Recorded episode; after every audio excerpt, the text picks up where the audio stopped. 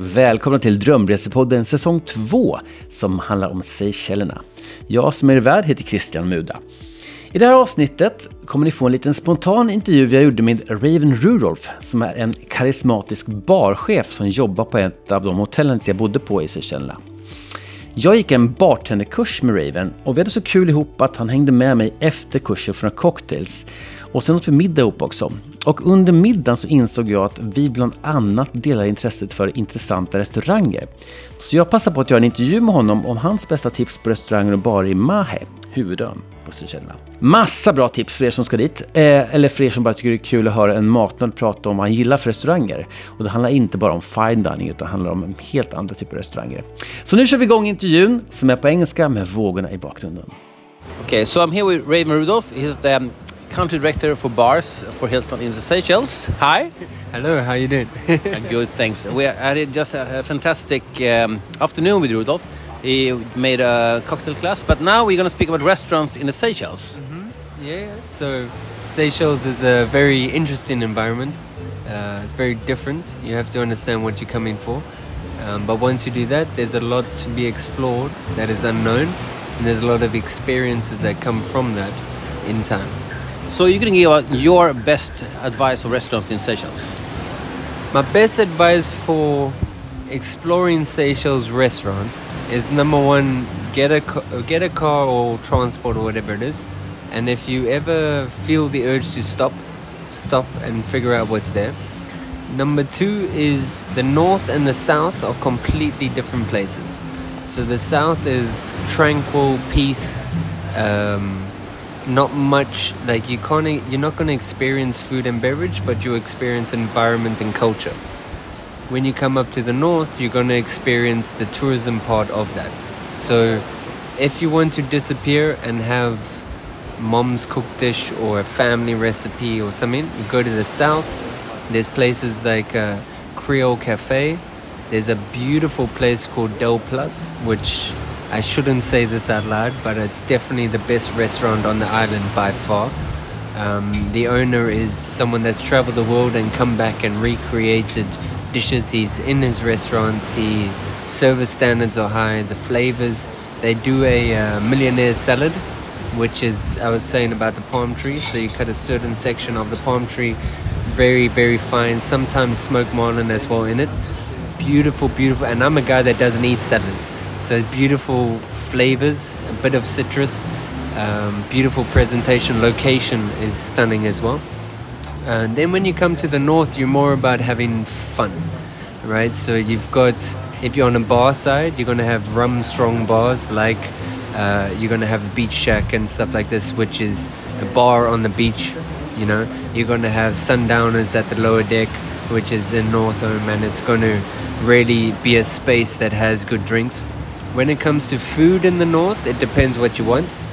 I think if you want to enjoy food in Seychelles, I judge a cafe on their um, eggs Benedict, and I judge Seychelles food on their octopus curry.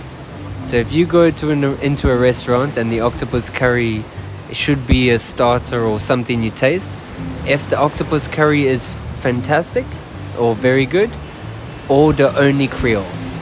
If the octopus curry is okay, then go into a Mediterranean or Italian or pasta or something like that. So where do you find the best octopus curry in the Seychelles?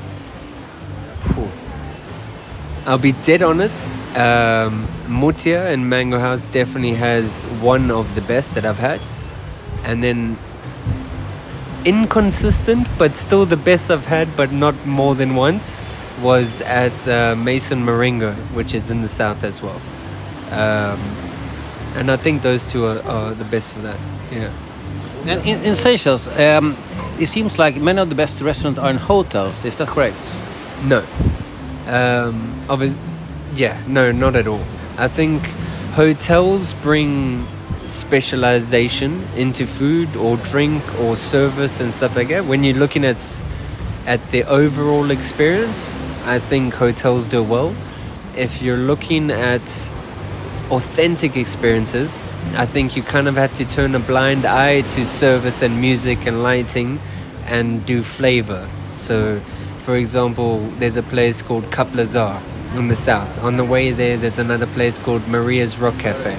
And if you have an appetite, do both. Maria's Rock Cafe is a hot stone place where you cook your food as you go, but their uh, garlic butter is undeniably one of the most best things you can put on steak. But then if you go into Cap Lazare, you've got traditional recipes in a beautiful environment. Is it the best food? It's getting there. I don't think it is the best, but is it a wow experience? Yes. So I think the thing about island life versus city life is you've you have the trade-offs.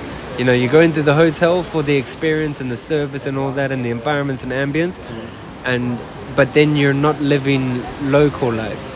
And then you go for the authentic experience and then you're trading off some of the high-end uh, environment things if that makes sense. So, so, have, you, have you dropped all the good restaurants now already? good restaurants. Okay. If you're eating Indian, butter chicken at Mahek in the north in Beau Vallon.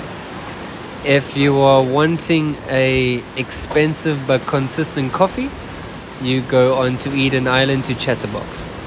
If you want the best pizza, you go to La Repair on La Digue Island.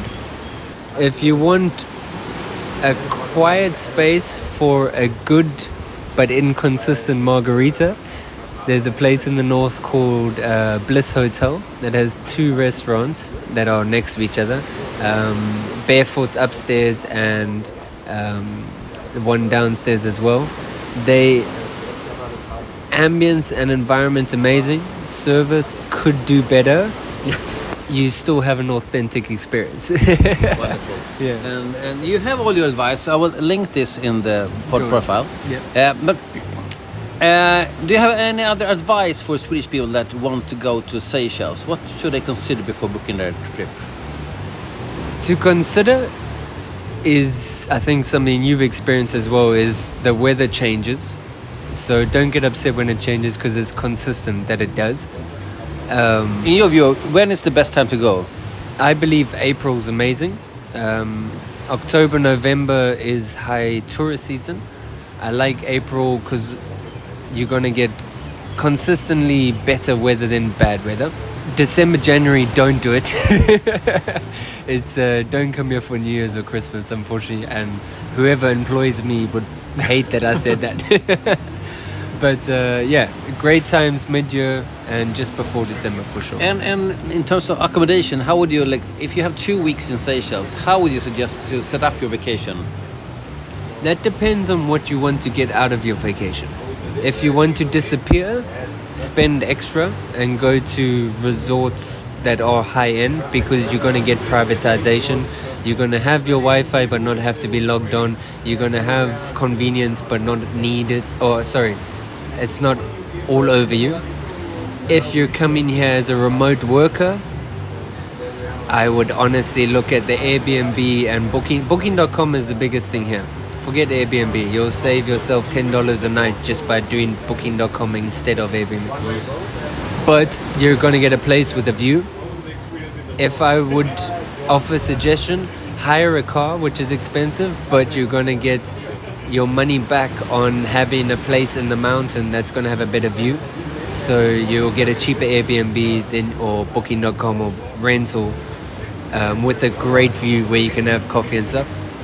How I would do two weeks in Seychelles is fly into Mahe, book a, a house or a room, spend two days on Silhouette, three days on La Digue, one day in Praslin. That's islands, yeah. Yeah, sorry, yeah. La Digue is a 10 kilometer squared island outside of of Mahe. Mahe is the main island. Praslin is a bigger island close to La Digue but in between La Digue and Mahe. La Digue is magical, bicycles and beach and sunsets and all that, but don't do more than three days if you're coming for an experience. Praslin wants to be like Mahe. It's got fantastic things. It's great for an experience, great with Coco de Mer and really like dealing with local culture, but it's not going to blow your mind. Mahe is the biggest island and it's the hub of the north and the south, the cross culture, the ability to wake up and do whatever you want. Thank you so much for your advice. Appreciate it. No worries, no worries. Thanks for having me. Detta var allt för dagens avsnitt av Drömresepodden. Som ni kanske sett så släpper jag alla avsnitt för en viss destination på en gång. Så vill ni höra mer om Seychellerna så finns ett gäng andra avsnitt ute redan nu på alla poddplattformar. Vill ni ha notis när jag släpper en ny säsong? Ett tips är att följa eller prenumerera på Drömresepodden där du lyssnar på poddar. Dessutom finns hela säsong 1 av Drömresepodden och Maldiverna ute sedan tidigare. Med andra ord, massor med inspiration för er som ska planera drömresan. Och vill du läsa eller kolla på bilder istället för att lyssna så finns det reportage om både Maldiverna och Seychellerna på mat och resebloggen som jag också driver. En av Sveriges mest lästa resebloggar med fokus på lite mer exklusiva resmål, restauranger och aktiviteter på resan som skidåkning, dykning och vandring. Lycka till med planeringen av just din drömresa!